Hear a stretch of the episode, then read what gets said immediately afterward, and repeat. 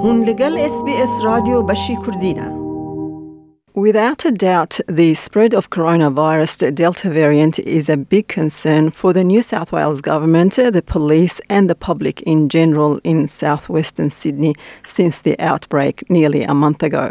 Police officers have been patrolling the streets of southwestern Sydney and, in particular, the Fairfield local government areas as some members of the community were not complying with the health orders.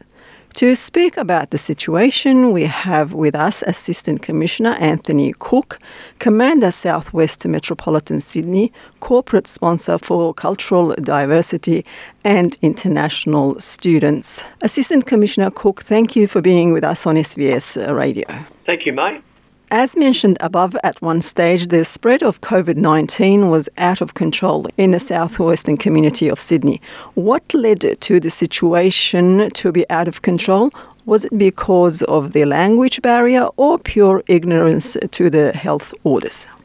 Mate, can I just say a couple of things? The reason that uh, police have increased our presence in southwestern Sydney and in particular the three local government areas of Canterbury, Bankstown, Liverpool and Fairfield was that the health advice told us that there had been a spike or an increase in cases in southwest Sydney. And that clearly had been the result of people in the community going about their business, in many cases unknowingly. However, when that data became apparent, it was clear that there was still seeing a large number of cases appearing in southwest Sydney. So on the health advice, um, it was very clear that what we needed to do was give people the information to allow them to comply with the health order so that we stopped moving about as much as we could so that we stopped the spread of the virus. So there were a number of issues. I've got no doubt that some people were unaware. Now, part of our approach with health has been a very large education campaign to make sure that people are aware of the public health order of how the virus spreads and what it is that we can do to stop the spread of the virus. Uh, another part very clearly for policing is to make sure that we assist people to comply so that, uh, you know, we've been very visible in the community in issuing many, many, many warnings. We have also issued a number of infringements though to those who just do not want to or will not comply. So there's a range of things that have caused or led to the outbreak in southwestern Sydney. But what is really important and what it is that I really want to stress is that the community in southwestern Sydney have been absolutely fantastic. They are listening to the health advice. They are listening to the advice from police. They know that we are here to assist them to comply. They know that we are not targeting anything but targeting the coronavirus so that we can put this behind us and that we can move forward, that our businesses can open and that we can all see our families again. But the real strong advice that we have is please stay home if you don't need to be out. Get tested. Do not allow this virus to be spread among our families and among our communities. Assistant Commissioner, what can be done uh, for people to be more vigilant about the situation, do you think?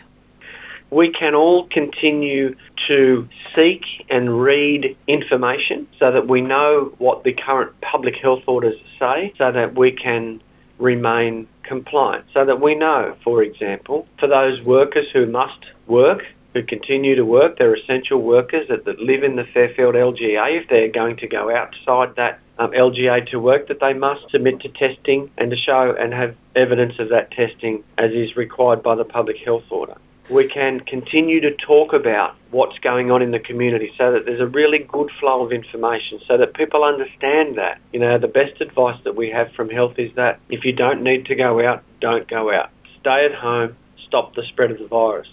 What is also really, really, really important, mate, is that if someone has been contacted by someone from health and asked to isolate, that they do that, but then they must also tell health officials where they have been so that the contact tracers can do their work and stop the spread of the virus. It's really important. There's been some uh, issue with people not necessarily disclosing all that information to health because, you know what, some people might have been doing the wrong thing. What health can assure people of is that they don't disclose the information to police. The information that they get is all about trying to find out where these people have been so that we can warn others where there have been cases in the community so that we can do the right thing so that people can get tested. Once we get tested, we start to move beyond the spread of the virus. We get that contained and we can all move forward much more quickly. That's something that's very, very important. Are police officers still patrolling the areas or is it less uh, movement now from people? Tell you what I'm really pleased about is that we have seen a, a tremendous reduction in mobility through the area. And I think even the Premier raised that this morning at uh, her morning media conference. And, and the language was tremendous, really praising the community for that reduction of mobility, which contributes to reducing the spread of the virus. So what we can do is limit our movements. If we don't need to be out, let's not be out. And if we have any symptoms at all, get tested. Or if you just feel like that you should get tested, well then get tested. These are all the things that we can do to stop the spread of the virus. And uh, finally, Assistant Commissioner, uh, what message would you give to the community in general and maybe especially in southwestern Sydney regarding the lockdown and the present situation? The message that I would give is that I'm really proud to be a part of this community and I'm really proud of the response that we have seen from the community we have seen increasing rates of testing across southwest Sydney. We are seeing a reduction in mobility. We understand now that people are getting the message and taking action to participate together in stopping the spread of the virus. That is absolutely the message that I would give to the community. Thank you. Thank you very much. What I need for you to continue to do is talk about this. Make sure we all know what we are required to do. Make sure we're all doing it. And most importantly, if people know of people doing the wrong things, if you see something, say something. Ring Crime Stoppers on 1800 333 000.